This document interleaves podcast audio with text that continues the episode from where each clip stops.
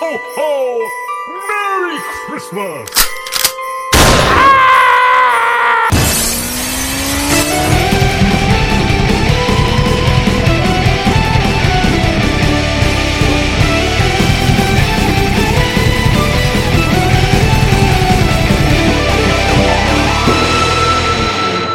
Hei velkommen til Tordentale, en dansesreise gjennom julemusikk, algoritme-chasing og clout. Ja, da er vi godt inne i uke to av uh, adventstiden, og uh, Tordentallet sin uh, ekstremt low effort julekalender tikker videre. Jeg tenker vi skal snakke litt om dagens tema, for uh, hva faen er greien med popmusikk, egentlig? Har du noen gang tenkt på det? Altså, hva, hva, er greien med det, egentlig? Bare for å hente fram min indre Dagfinn Lyngbø. Hva, hva, hva, er vitsen med det? Hva er greien med det? Um, for dette showet her har jo ikke dekket popmusikk nesten i det hele tatt. Jo, vi har vel det innenfor her og der, men denne mainstream popmusikksjangeren har vi ikke sett på sånn stort. Det har vært stykkevis og delt. Vi har jo hatt uh, denne her knullfunk-episoden og uh, touchet innom ymse referanser, men, men mitt forhold til pop er jo egentlig sånn som alle andre sitt. Det er jo noe jeg er nødt til å forholde meg til, både i det daglige og ellers. Jeg er nå for så vidt en av de som har klart å slippe ganske unna denne overeksponeringen av popmusikk. Altså det at det er ganske lenge siden jeg var tvunget til å høre på musikk jeg ikke liker i hverdagen min. Det har ikke skjedd siden jeg jobbet skitt skittig sommerjobb for lang tid tilbake siden. Men man får jo med seg ting. Man får jo med seg hva som er i vinden, hva som er i tiden, uh, til en viss grad, om ikke på sånn detaljnivå for de som, uh, på samme måte som de som faktisk er genuint interessert i det, eller de som er ja, bare kids og lever mer i nuet, da. Men jeg skal jo ærlig talt si at jeg liker pop, men jeg liker pop på samme måte som jeg liker, liker Subway. Uh, altså, når du går inn og kjøper en uh, Subway sandwich, så kan du velge hva du vil ha på, og så kan du unngå de tingene du ikke liker.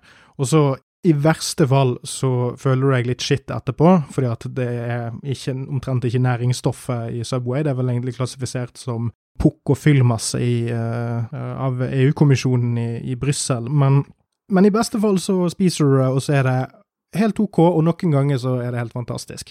Uh, men sånn har jeg det med popmusikk òg, at det er, det er lagd så jævlig mye popmusikk at selv om jeg ikke liker nødvendigvis så mange popartister, eller har så veldig mange jeg følger med på som ramler innenfor pop, så finnes det mye bra der, og det, og det er fordi at Ja, altså, det, det, er jo Man kan jo ikke kalle det en sjanger engang, men det lages så mye musikk som prøver å komme innom det som er det store nedslagsfeltet pop, at selv om det lages enormt mye drit, så betyr det jo òg at det lages enormt mye bra. fordi at hvis du lager 1000 dårlige poplåter, men så er det to-tre gode inni der, så er det langt flere av de gode poplåtene enn det er i ganske mange andre sjangre, fordi det lages mye mindre eh, volum. Det, det, er rett og slett et spørsmål om volum.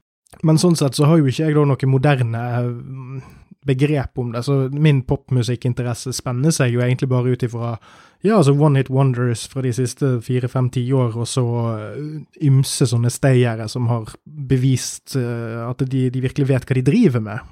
Så jeg er ikke fordomsfull sånn sett. Uh, det fins uh, det, det, handler mye mer om intensjon og, og, kvalitet enn det handler om sjanger, sånn sett. Selv om jeg er en ganske sjangerorientert person og vet hva jeg liker, så er ikke det sånn at jeg syns at det automatisk er uinteressant bare fordi at det er populært eller prøver å være populært.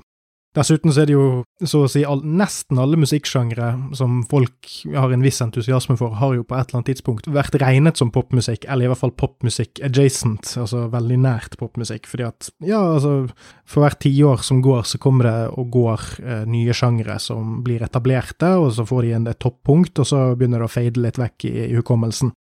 Så, dagens tema. Mariah Carey og hennes Merry Christmas-album fra 1994. Så, Mariah Carey. Hva vet vi? Ingenting. Eller jeg kan si et par ting jeg vet om Mariah Carey fra før av. Uh, og det er at hun lagde en skikkelig megaflopp-filmkalkun på 2000-tallet som het Glitter, tror jeg. Uh, som var omtrent samtidig som Britney Spears prøvde seg på den Nå har jeg lyst til å si at den het Crossroads, og ikke så veldig langt unna når Eminem lagde Eight Mile. Og av de tre der, så er det vel Eminem som er nærest på å ha hatt en, en, skikkelig fulltreffer med hva den filmen på en måte skulle gjøre, og hva de klarte å ende opp med. Um, for både Britney Spears og Mariah Carey sine filmer floppet, eller ble i hvert fall veldig latterliggjort og sånn. Og om Jeg har aldri sett Glitter, men jeg har hatt inntrykk av at den òg er litt sånn som Crossroads, at den har Om det ikke er basert på livet til eh, artisten, så er det inspirert av eh, livet til artisten. Mens Eminem sin, sin film er jo omtrent bare livet til Eminem, uh, men med noen detaljer endret. Uh, og så vet jeg at hun spilte en ganske god rolle i en sånn, uh, en sånn litt independent drama for en del år tilbake som het Precious. Um, og så vet jeg at hun er kjent for å være en sånn diva en sånn diva-diva som krever at folk plukker ut de grønne nonstoppene fra skålen backstage fordi at hun liker ikke måten de ser på henne på. Sånn, altså den, den, typen sånn 'Å, jeg må ha alt på min måte, jeg er best, eh, jeg, er den, eh, jeg er stjernen her, og du må respektere det', type. Men det er det jo ganske mange eh, popartister som er, så det, er jo, det, skal ikke vi vekte så mye her i dag. Men eh, summa summarum så er dette her en person og artist jeg ikke kan en dritt om. Jeg kunne ikke nevnt en eneste kjent låt av Mariah Carey. Og det er jo ikke så forbanna viktig, det, men når man skal prøve å snakke om en artist som man ikke kan noe om, så er det greit å være litt ærlig på det. Og så er jo dette òg et album som i veldig stor grad handler om Mariah Carey, men eh, som òg er ganske annerledes, tror jeg, fra resten av karrieren hennes. Siden det er et julealbum, og at den er nødt til å forholde seg til visse sjangerregler. Det ville vært rart å tro at denne, dette albumet representerer hun som artist veldig uh, bra, uh, bortsett fra på det tekniske, altså hva hun gjør som vokalist eller som sanger. Og går, nå går vi jo da litt over i Ja, altså, hva er greien med julealbum, egentlig? Hva skal det være for noe? Uh, og det kommer til å være gjennomgangstema i denne episoden og de tre neste nå frem til nyttår. Forutsatt at jeg ikke, you know, at jeg ikke blir overbelastet og utbrent, og at noen eh, finner meg i, naken i toppen av flaggstangen på Slåssplassen. Men over de neste ukene så skal vi det, Jeg skal ikke avsløre for mye, men det, kom, det kommer til å være tre julealbum til. Men jeg kan love dere Jeg vet at disse her eh, dannelsesepisodene mine er ikke nødvendigvis de mest aller mest populære der ute, eh, blant, eh, blant, rockerne som hører på dette her. Men hvis en av dere skulle til, liksom slumpe til å ha trykket på denne her, fordi at du har en fetisj for eh, popmusikk og du ikke har lyst til å innrømme det for alle de kule kompisene dine, så kan jeg love, love deg, og du kan fortelle det til de tre, fire, fem, seks andre tusen kompisene dine som hører på, at de neste tre kommer til å være vesentlig hardere og mer testosteronmessig posisjonert enn det denne platen her kommer til å være.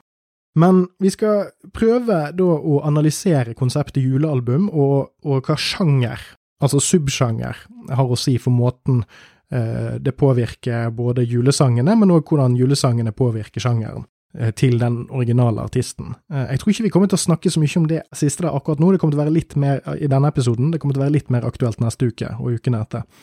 Men altså, hvorfor valgte jeg uh, Merry Christmas?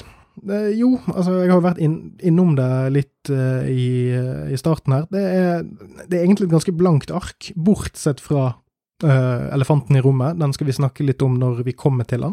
dette kommer òg til å være, et, være en episode der jeg går gjennom alle låtene.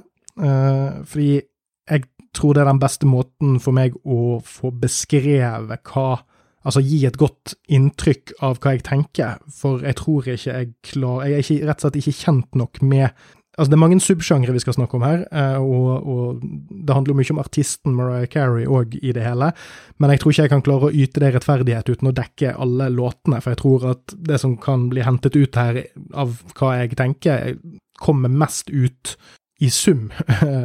Hvis jeg skulle trukket frem én låt eller fem og snakket om de, om de, så ville det blitt for spesifikt. Så dette er et helhetsinntrykk vi skal prøve å danne oss her.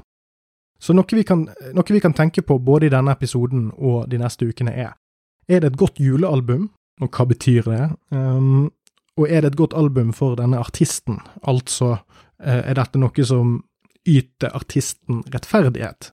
Og det kan være et litt komplisert spørsmål å svare på. Uh, og så blir det vel det litt større spørsmålet er hva er et godt julealbum? Så det, så det kommer vi til å bære med oss de neste ukene.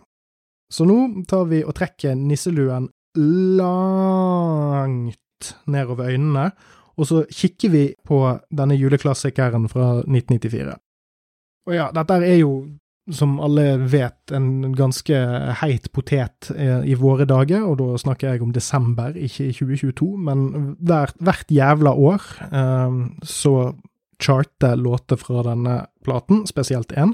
Uh, og igjen, jeg prøver så godt jeg kan å ikke jukse på dette uh, forberedelsesmaset mitt som jeg har på disse episodene, så jeg har ikke sjekket hvor mye den har solgt, men vi kan si at en av låtene her har blitt strømmet 1,2 milliarder ganger bare på Spotify. Og det sier jo ikke så rent lite om nedslagsfeltet. Det jeg vet, er at dette er Carrie sitt fjerde album, så det er relativt tidlig i karrieren, spesielt med tanke på at hun fremdeles er aktiv, så vidt jeg vet. Og så kan jeg si det at dette er et album som som mange andre julealbum, ikke at jeg har hørt så jævlig mange julealbum fra start til slutt, men sånn det vi kan si i grove trekk, da, som ikke har noe med disse her generelle spørsmålene mine å gjøre, er at man, man skal jo det, det, er jo basert på tradisjon, dette her. Det er lagd masse julemusikk, og det finnes mange juleklassikere, og det finnes et utvalg med juleklassikere som på en måte alle har lov til å covre, selv om de har blitt covret en million ganger før. Det er låter som er så allment akseptert og tilgjengelig at det er ingen som ler et øyelokk over at noen har lyst til å tolke dem. Det er allemannseie. Eh, og det gjør seg utslag i julealbum, fordi det er sånn at det ofte er forventet at du skal ha krysset av x antall av disse klassikerne. Fordi at det handler vel så mye om tradisjon som det handler om artisten som gir det ut. At du skal, ja, gi noe til dine fans, eller folk du har lyst til at skal bli dine fans, men så skal du sette ditt preg på det. Uh, men du skal òg yte det noenlunde respekt, sånn at det fremdeles uh, gir et skinn av tradisjon. Uh, for hvis du går for langt vekk ifra originalintensjonen, så endrer du meningen med låten. Så på denne platen her så er det ti låter, og så vidt jeg har skjønt, så er tre av de originale. Mens resten er tradisjonelle julelåter som er skrevet mellom, ja, la oss Nå bare, nå bare tipper jeg, men ja, fra seint 1800-tall til 60-70-tallet. Og da innenfor mange ulike subsjangre, altså sånn eh, Det vi assosierer som kirkemusikk, eh, bedehusmusikk eh, og popmusikk. Eh, men det kommer vi tilbake igjen til. Men det er grovt sett det vi skal igjennom. Så da begynner vi egentlig bare med Silent Night, som jo òg er ja, som er åpningssporet. Og, og dette er jo en sånn powerhouse-låt i utgangspunktet. Det er en låt som er lagd for en solovokalist, og som gir rom til denne vokalisten for å ja, løfte fram låten. Eh, og Silent Night her starter med litt piano, og det spiller en liten stund, og så, før vi skjønner hvem dette egentlig handler om, nemlig Mariah Carey, noen av dere ville kanskje trodd Jesus, men nei da. Det er bedehusorgel og gospelkor, og som jeg sa innledningsvis, det er jo en klassiker uansett hvem som synger, og det er alltid en showcase for sangeren. Men jeg vil si alle på backup her er spot on. Hele låten har et sånn Det er laidback med riktig trykk. Uh, den, den krasjer ikke for mye med det, du, med det den skal levere av Ja, alle som har hørt Silent Night. Så låten er laidback med riktig trykk. Uh, og allerede på førstelåten her så får man kjenne på at Mariah Carey er en helvetes god sanger. Og la oss for all del ikke tro noe annet etter denne episoden her. Altså, damen kan synge, uh, og hun kan synge i alle spektre og null stress. Det er, det er gode lunger, og det er veldig god kontroll, og helt uavhengig av hva man syns om det på slutten av dagen, så er det bare et faktum. Så det er det bare å ta med seg videre. Men i det store og hele, en, en, en klassiker fremført med respekt, men du merker òg at her, her, får denne vokalbatongspinneren eh, Mariah flekse litt muskler før vi kicker i gang med hovedshowet, som er låt nummer to, All I Want for Christmas Is You. Eh, som er skrevet av Mariah Carey og en fyr som heter Walter, Afa, Walter Afanaf, Afanasiev. Og hver gang jeg leser det navnet, eh, så tror jeg at det står Så leser jeg det som analafasi. Ja, så um, og Walter Analafasi de har uh, skrevet en original låt for dette albumet. Og dette er jo sangen som hjemsøker oss alle i våre dager, og det var den for tidligere nevnte 1,2 milliarder strømmeren. Og jeg er jo såpass heldig at jeg er ikke så overeksponert for denne låten som alle andre har blitt. Jeg, jeg vet at jeg har hørt den før, men av en annen grunn, jeg beveger meg ikke i kretser der dette her er et stort problem, at denne låten er stor og blir spilt overalt. Så kanskje jeg er i posisjon til å høre den med litt nye ører, uh, for alle de der ute som er møkk lei den nå. Og uh, jeg, jeg, hører at folk er jævlig fuckings lei den her, men jeg skjønner ikke hvorfor den her skulle være så jævlig mye mer forhatt enn alle andre julelåter som spilles mye. Jeg tror, dette, jeg tror det handler mest om eksponering enn selve låten. Uh, men ja, så det, det, handler jo egentlig mer om hva som blir trykt ned over hodet ditt av uh, massemedia, enn det handler om at selve låten er shit. Jeg, jeg syns jo ikke den er så Altså, den er jo ikke sånn wow, nå ble jeg blåst i bakken her, men det er en helt grei poplåt med, med julesvung over. Det er omtrent et helt vers solo, med minimal atmosfærisk backup med, for uh, Mariah før de girer opp med ordentlige vers der alt fra Silent Night kommer tilbake. Bare, altså Alle de grepene i Silent Night eh, kommer tilbake med langt mer poporientert styrke. Det er bjelleklang på perkusjon, det er et enormt hook på refrenget. Og, og, si hva du vil, det er godt håndverk, denne saken her. Og dette er jo en av tidenes største julesanger, til tross for at i det store bildet så er den relativt ny. Den er 30 år, snart 30 år gammel, det er greit det, men den er, i motsetning til en del andre låter på denne platen, så er jo det flere, altså mange tiår yngre. Altså kanskje mellom 50 og 100, for alt jeg vet. Og, og hvorfor er det den her har blitt så stor? Det, altså jeg vet ikke hvorfor den har blitt så stor, men at den har for, forblitt så stor, tror jeg kan ha noe med å gjøre at den, den holder seg innenfor etablert sjangerlek som popmusikere har drevet med i lengre tid før dette her. Eh, det kommer til å komme noen eksempler seinere på albumet som kommer til å gjøre det poenget litt tydeligere. Altså, smør på med litt glockenspiel og bjelle, litt saks og et stort kor, uh, og så en solid dose med smult og hooks, uh, så har du det. Det er neppe så lett som man tror, og mange har prøvd å kopiere dette her, men har ikke helt nødvendigvis klart det. Men jeg tror at All I Want for Christmas Is You er en låt som får det til å høres enkelt ut. For alle grepene som gjøres, er lett gjenkjennelige for noen som har hørt et fnugg popmusikk i sitt liv og bare reflektert bitte litt om det. Det er, det er nesten kynisk hvordan de bygger opp sangen, og hvordan de veksler mellom å bruke et lydbilde som folk assosierer med tidligere sanger, men samtidig gønne på med det som egentlig òg kunne vært en vanlig kjærlighetssang. Men det funker. Så det er låt nummer tre, Oh Holy Night. Og man kan jo si det at uh, den er jo litt frekkere enn Jussi på, på lille julaften. Uh, jeg vil ikke si at den nødvendigvis er noe nyskapende og noe mind-blowing, men den er fin. Lydbildet er for sin tid ganske tidstypisk, og man kan spore æraen den er spilt inn i.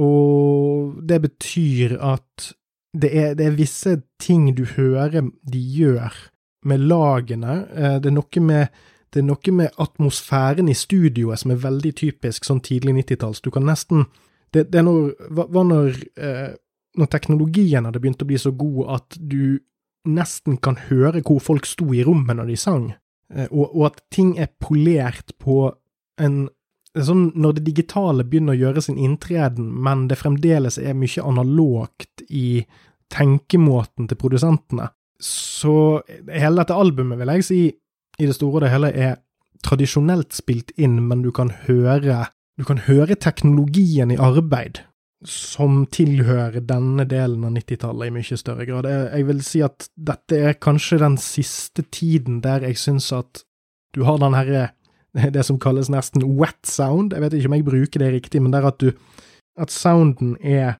Sånn at du, du, kan nesten kjenne at det er litt eh, høy luftfuktighet i studio, uh, uten at det har noe som helst å gjøre med, med kroppsodør eller svette.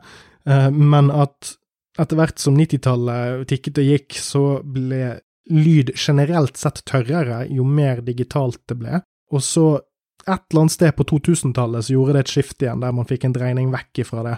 Uh, og uten at jeg er noen ekspert på studioforhold og sånn, så vil jeg tippe at det har noe å gjøre med økt kontroll over alle elementer i studio. Mer maskiner, mer og mer overtenkning, og jo tørrere lyden er, jo enklere er det å se for seg, altså er det å høre nyansene, da. og at det kan være et overfokus på detaljer som har uh, fått uh, gått vekk fra denne her litt mer sånn litt mer klaskende produksjonen. Jeg vet at det, det, er vanskelig å beskrive, det er ekstremt vanskelig å beskrive, men jeg, det, det, var i hvert fall en tanke jeg hadde. Tilbake til Holy Night. Um, ja, og som sagt, altså, man kan spore æraen den er spilt inn i, men hvis du ser vekk fra vokalen, så er det, og, og det produksjonsmessige jeg snakket om, så er dette stilfullt og ganske respektfullt overfor andre tolkninger og det jeg vil kalle grunnstammen av sangen. Du kan kjenne igjen denne fra tidligere versjoner. Men så klart, det er masse her.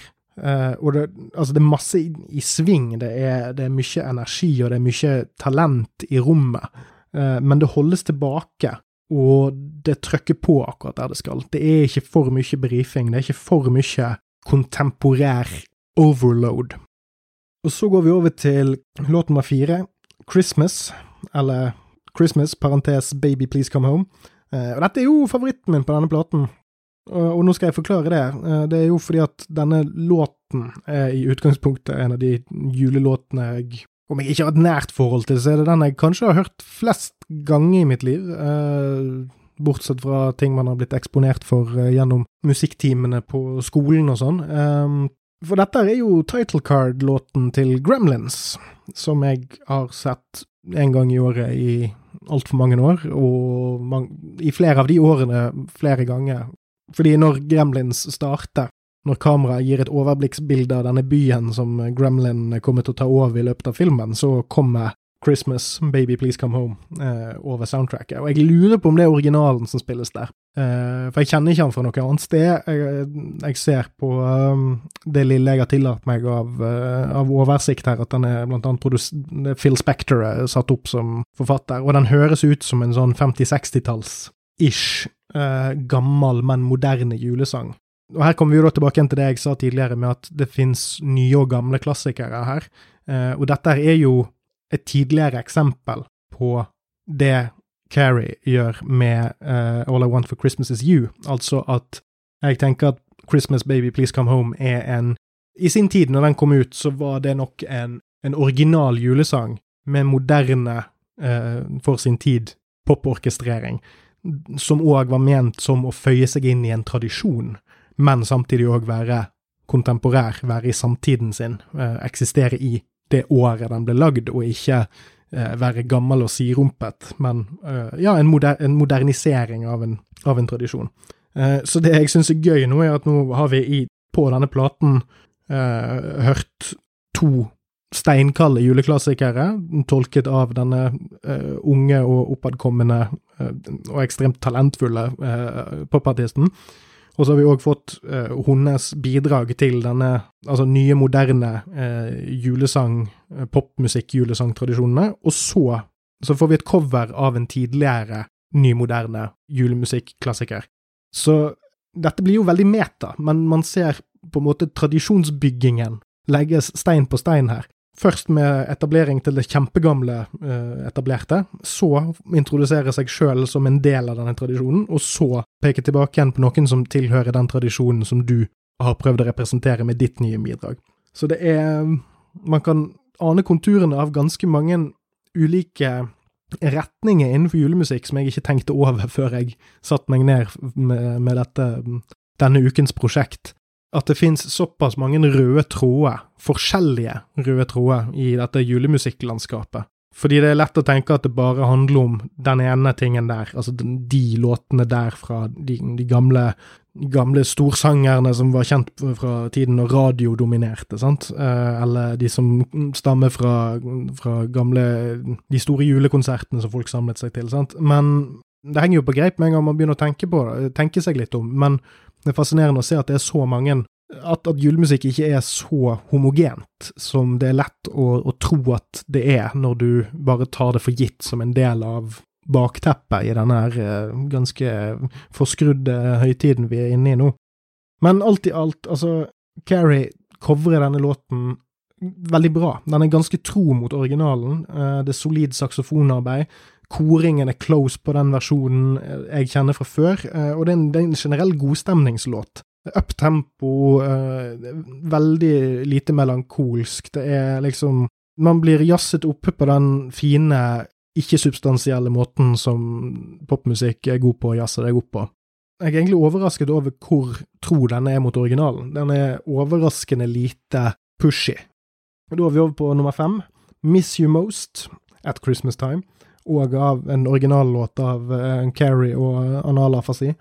Det er en tilbakeholden og vokalorientert låt. Det er vage strykere og piano til backup. Uh, jeg vil si at det er den mest anonyme på platen. Uh, det virker som om den er der mest for å gi Mariah Carey så mye plass som mulig. Det er ikke en stygg sang, uh, for all del, men den er litt sånn her oh, det er jommen meg en julete jul, og jeg er ganske kåt på en dude-låt. og jeg synes at om jeg skulle brukt denne låten til å si noe mer, så tror jeg at den er et godt eksempel på hvorfor formelen til dette albumet er så fristende å kopiere, og hvorfor så mange folk har prøvd å kopiere det eh, så lenge.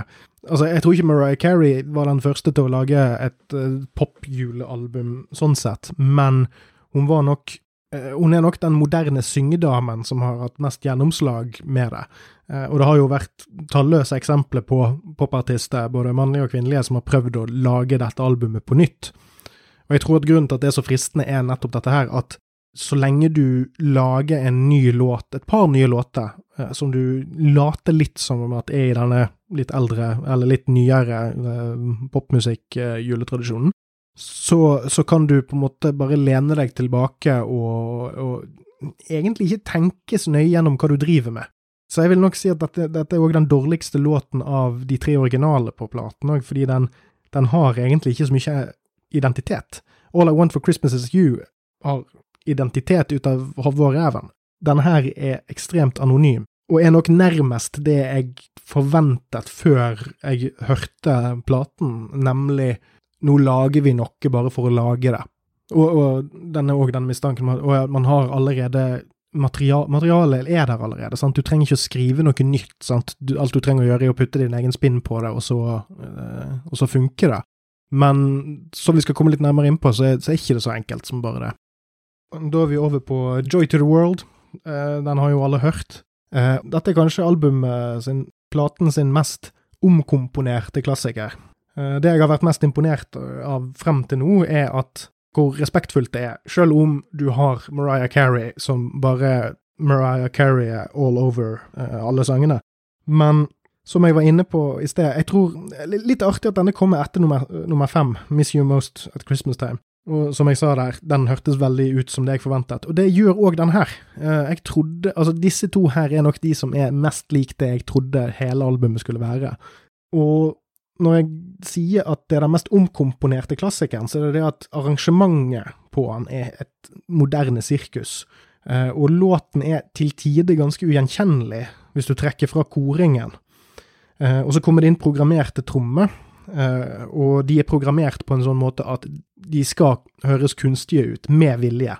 Og for å trekke en rød tråd tilbake igjen til de to forrige episodene jeg har gitt ut, Rocky 4 og spillelisteepisoden, så er det helt klart noe du signaliserer ved å være plastikk, med å peke på, eller med å, å gjøre lytteren intenst oppmerksom på at dette her er kunstig, dette her er ikke ekte, det er ikke en ekte uh, trom, det er ikke en ekte trommis som sitter der og spiller tromme, du hører ikke bare er det er programmert på en sånn måte at det er, høres for maskinelt ut. Det er ikke noe frills og thrills som gjør at du tror at det er en person som trommer, men lyden av det er òg gjort på, med vilje, som at Hør her, dette her er programmerte trommer. Og jeg, jeg, tror det er gjort for å få deg til å tenke å ja, dette er en moderne julelåt. Å ja, dette er ikke sånn som de her andre gamle, kjedelige greiene. Dette her er en, en ung og hipp, uh, stilig uh, versjon av Joy to the World. Og jeg vil si at dette definitivt er den svakeste på platen, sammen med Miss You Most. Koret redder han til tider for min del, og det er ikke noe galt med, med stemmen til Carrie eller noe sånt, men hele låten er arrangert i stykket. Og hvis jeg skulle prøvd å sette meg inn i hodene til de mens de lagde den, så vil jeg tro at dette her er et forsøk på å kontemporere en sang inn i ungdomsmarkedet. Kanskje det har vært en bekymring på bakrommet for at for mye av materialet på platen var for voksent for en såpass ung artist, og at dette her var kjøttbeinet til eh, de mest eh, pengesultne platefolkene. Artig nok så er jo ikke den her i nærheten av å ha så mange avspillinger som første halvdel av albumet, så jeg syns òg det er artig at den som er den som stikker seg mest ut, den som er mest moderne, den som er mest 'nå skal vi lage noe sånn hipt for kidsa', er òg bare ikke registrere sammenlignet med resten av platen. Altså, misforstå meg rett, den har jævlig mange avspillinger på eh, Spotify, den òg, men relativt sett i forhold til ja, alt fram, bortsett fra Miss You Most. ja, Det har ikke jeg lagt merke til før jeg kikket på det nå, men Miss You Most og uh, Joy to the World har jo 18 og 20 millioner avspillinger. Og hele albumet er jo vel lyttet, men det er virkelig ikke denne låten her folk kom til denne platen for å høre. Og så kommer vi til den tredje og siste eh, originallåten eh, skrevet av Carrie og Anal Afasi, eh, som er Jesus Born On This Day. Den har en grusom syntstrykeintro med kirkeorgel. Eh, den her skiller seg fra de to andre fordi at den, den her høres ut som en klassiker, altså en låt som har blitt gitt ut før denne platen. Uh, og man kan se for seg at dette her er en kirkekor med solistjam, noe sånn subdued gospel light-låt. Og den bygger stein på stein og blir mer og mer grandios eh, mot slutten, med synttrompet og hele pakken. Og her er det ikke tilsiktet kunstighet eller plastikk, dette her er en svakhet med hva enn de hadde å jobbe med. Eh, hadde de eksempel hatt et autentisk strykeorkester og trompet på dette her, så hadde det vært løftet låten 14 hakk. For når du lener deg jeg, jeg, jeg, er jo en av de som er ganske unnskyldende mot bruk av synt til å late som at man har et symfoniorkester, for eksempel, og så har jeg egentlig ikke noe imot at man kan høre det, men her på denne platen og med denne låten så prøver man ganske tydelig å trekke blikket bakover og, og se dette her som en Ja, at det skal, dette skal nesten være som en eh, nyoppdaget gammel innspilling av noe, hvis du skjønner, eller en, en nyinnspilling av en, en gammel gromlåt. Eh, og for å få det inntrykket helt i boks, så må du òg bruke mer ordentlige instrumenter. Eh, det, det, det, handler noe om, om, hva som kan kalles autentisk. Hvis du har lyst til å gi inntrykk av at dette her er en autentisk, gammelmodig låt, så må du òg bruke autentiske, gammelmodige instrumenter for å hamre det på plass. Men en fin låt. Den hadde bare vært bedre hvis de hadde gjort de grepene der, syns jeg. De er distraherende. De tar eh, blikket ditt vekk ifra det som egentlig er en ganske kul og velskrevet låt. Så låt nummer åtte, Santa Claus is Coming to Town. Den har jo alle hørt en million varianter av. Jeg er mest kjent med Jackson 5, tror jeg, varianten. Jeg tror det er den som lille Michael Jackson synger på. Hvis jeg ikke blander det sammen med en eller annen sånn litt sånn Motown-aktig uh, innspilling som bare høres likt ut som Jackson 5. Det åpner med akustisk vuggesang med litt sånn uh, a cappella-koring. Uh, dette er jo en annen moderne klassiker som Carrie covrer. Den er òg rimelig close til de versjonene som folk kjenner. Det er et absolutt særpreg her. Litt mer gospel enn de versjonene jeg føler jeg har i bakhodet når jeg hører på dette. her. Uh, orgelet ligger og ruger litt bak, men låten er forsiktig med å ikke bryte for mye ut av forventningsmønsteret. Det, det ligger, ligger, der og leverer det den skal, og, og, og pusher bitte litt her og der, men ikke noe lager ikke noe bølge. Det er sånn, eh, Vi skal vise at dette her er denne artisten som gjør det, gjør sin tolkning, men ikke, ikke rugg for mye i båten nå. Og så tror jeg den neste låten er en kombo. altså Låt nummer ni er Hark the Herald Angels Sing, eh, og så Gloria in Excelsis Deo. Eh, jeg vet ikke hva den siste låten er, jeg har sikkert hørt en eller annen variant av det, men det, slår meg ikke når jeg ser på det nå. Men Hark the Herald Angels Sing er jo òg en klassiker som alle kjenner. Eh, og her er jo Mariah tilbake i spotlighten, som vi så på starten, med solid backing av koret i en sånn call and response-utveksling eh, som er veldig nice. Dette er en stor versjon av denne låten. Masse volum, masse trøkk. Men ved å holde tilbake på et vis, altså den bygger og roer seg veldig naturlig. Så du får, du får det, ja, jeg brukte det båtbildet i sted, det er, det er som å se ikke, ikke, nødvendigvis en sånn urolig sjø, men sånn når du får litt du får litt bølger når du er ute i robåt. sant? Først så kommer det en stor bølge, og så tar den, tar den deg med ned i en litt rolig underbølge, og så opp igjen og ned igjen. Og det er godt håndverk, som er et gjennomgangstema her. Og så er det låt nummer ti, Jesus Oh What a Wonderful Child. Det er en traditional, står det oppført som. Eh, Jeg kjenner ikke til den fra før av. Eh, Og jeg har snakket om det og gitt noen drypp av det gjennom platen, gjennom gjennomgangen her, men det er et gospelpreg som går igjennom hele greien. Spesifikt dette koret, det, jeg vil tippe det samme backing crew på alle låtene, eh, og det jo, varierer jo litt hvor i front koret er, versus hvor mye backup de er, og hvor høyt oppe i miksen de er, eller sant, altså hvor, hvor nært mikrofonen føles det at de står. Eh, Men denne låten er full on gospel. Og jeg kan jo ikke en dritt om gospel annet enn det vi alle kan om gospel, sant, altså det er svart kirkemusikk fra USA, som jeg vil mistenke at Carrie har en god del fra. Uten at jeg kan noe om hennes bakgrunn, så er det et visst tegn på at eh, hun har hentet litt derifra. Men denne låten er gospel, gospel, gospel, Eh, og den fremføres og er som alle sånne gospelsanger du har sett fremført på film og på konsertopptak eller hva enn. Det er det. Du ser for deg hele jævla eh, koret stå på rekke og rad i gjerne sånne lilla kordrakter, og så, og hiver de med armene fram og tilbake i takt med musikken, og så øker tempoet gjennom hele låten. sant? Det, be- det begynner litt uptempo, og så bare øker de og øker de tempoet, og så blir det en sånn her eh, tjo og hei-variasjon med eh, høye solistskrik på slutten, og det, det er så ekstatisk. Det er en sånn der, man kan jo spørre seg om de har et eh, spirituelt eller fysisk forhold til Jesus, disse folkene. Men jeg tenker jeg får være mellom de og vår Herre. Men det er jo en viss sånn, ja, et visse likhetstrekk i formkurven på enkelte handlinger som kanskje de ser for seg at man kan gjøre med Jesus Kristus, den voksne mannen eventuelt. Um, for det er, det er ganske entusiastisk, eh, og har et crescendo. Og her, som, som jeg har sagt, koret tråkker enda mer fram i rampelyset her, og det er omtrent den eneste gangen på platen der det høres ut som om Mariah Carey er mikset nesten likt som resten, og man kan nærmest se for seg at hun står på rekke med koret, eh, i hvert fall fram til andre verset. Og så kommer det vokalvariasjoner ut av hodet og reven, og det er det avsluttes med en skikkelig beint fram uptempo gospel-gunning. Det er det, det er solid.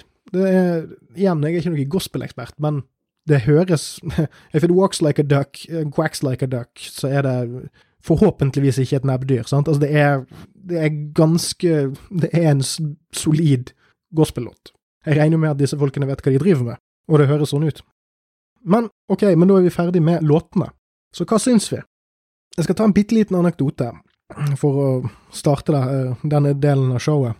Uh, For mange år siden så, så jeg en film som het Jesus Camp, som er en dokumentar om veldig, veldig konservative amerikanske kristne som sender ungene sine på sommerleir, og hva de lærer der. Og det, det er sjukt, og det er sinnssykt, og det var en del av min mitt artistiske korstog å sette meg inn i eh, sånne folk sine liv, for det er ganske skrekkelig hva folk kan finne på å gjøre mot ungene sine i religionens navn. Det er jo ikke det vi skal snakke om i dag. Jo, kanskje, eller ingen sammenligning for øvrig med julemusikk og måten vi tvinger ungene våre til å delta på ymse fremføring av det, tror jeg. Men i den eh, dokumentaren så er det en scene der det er en jente som er på jenterommet sitt, kameracrew har blitt med henne hjem, og så driver hun og snakker om at hun danser til pop, noe popmusikk og sånn.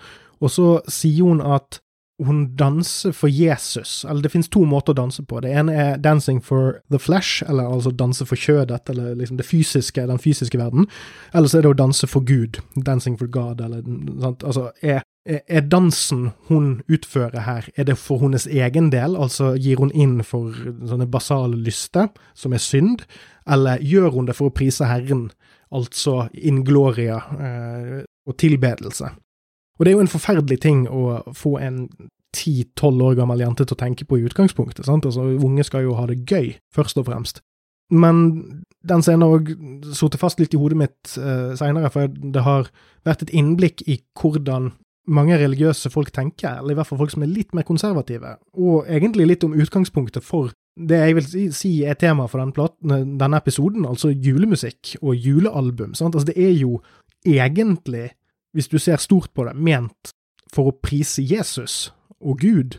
Sant? For at, altså, nå har vi vært litt sånn sekulære i tankene fram til dette punktet her, men til syvende og sist, hele poenget Hva faen er poenget med å lage en juleplate hvis det ikke er for å prise Jesus, og hvis det ikke er for å prise Herren? det er jo åpenbart noen kan innvende jo, jo, det er for mammon, eller for pengene, sant. Det er, eh, altså, det er jo et nærmest sekulært julemarked òg, sant. Altså, jul er jo ikke Gud og Jesus lenger. Men det er falskt, sant. Altså, eh, og jeg tror det er derfor folk har litt sånn aversjon mot julealbum, fordi at det føles så kynisk. Alle vet at julemusikk selger bra rundt jul. Så når du lager julemusikk, så må det høres genuint ut. Det må faktisk høres ut som om du har lyst til å prise Herren. Eh, og da blir nettopp dette her med eh, hvordan man fremfører dette her, eh, må òg være noenlunde koherent og eller sammenhengende med ja, at du, at du har et genuint ønske om å ja, prise Herren. Og det leder meg da over til en pet piv jeg har, som er sangrunking. Um, da jeg var yngre, så gikk det jo mye Idol på TV, og Christina Aguilera var veldig populært, og det var en periode der det virket som om alle som prøvde å være syngedame, om det var folk du gikk eh, på skole med, eller om det var folk du så på Idol-auditions, eller hva enn, så var det denne vokalknekk-greien, denne gospel-infuserte syngingen, som da eh, Mariah Carey er veldig god på, at det var det man gikk for. Og det vil jeg si er, er litt interessant her. Altså, det handler om valg og ikke talent. Og jeg ville sagt at når du står og skal prise Herren med hva enn du har å by på av, av vokalteknikk, så må det faktisk handle om at du har lyst til å gi et inntrykk av at budskapet betyr noe, og ikke at det bare skal handle om deg og din stemme og hva du kan brife med for å få det til. Eh, og så innser jeg jo nå eh, at, eh, som jeg har nevnt, så er det en del gospel-infusert eh, tradisjon her, og både på dette albumet, men òg på den typen syngedame som jeg snakker om nå. Så man skal jo tråkke litt forsiktig når man uh, begynner å trekke disse linjene så langt. Men det som står litt i fare her, og det som er, har vært bekymringen min gjennom hele platen, er at er det sånn at Mariah Carey tar for mye plass? Og det er det jo litt frekt å spørre om, egentlig, for det er jo, det er jo Mariah Carey sin juleplate. Men hvis poenget er at du skal hylle Herren og prise Herren og skape en høytid, så må du faktisk være litt forsiktig og ikke insistere for mye på at dette skal handle om deg, som jo er Det er vel det store paradokset med juleplate, at det stort sett det, det skal angivelig handle om Vår Herre, og så handler det i veldig stor grad om artisten. Og igjen, det handler om valg og ikke talent, og i gospel så er det jo en motsatt vridning på dette her introduksjonsmessige jeg sa om denne Jesus Camp-jenten. For du kan vel så gjerne argumentere for at denne store vokal brifingen og herjingen òg er prising av Herren. sant? Altså, det er jo Vår Herre som har gitt oss dette her, så hvorfor ikke bruke det for å prise? sant? Altså, hvem faen er konservative, hvite kristne til å si hva som er en god prising av Herren? sant?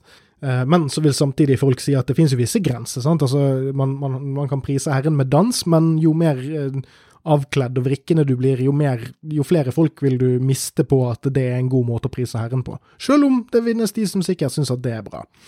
Og nå er det jo sikkert noen som sitter her og tenker på hva faen er det vi har rotet oss inn i her. Men eh, summa summarum så er det det at det er, et ganske komplekst lappeteppe med mening bak et album som dette her. Og spørsmålet er er Mariah Carey for mye i fokus for at dette skal være en autentisk juleplate, om du vil?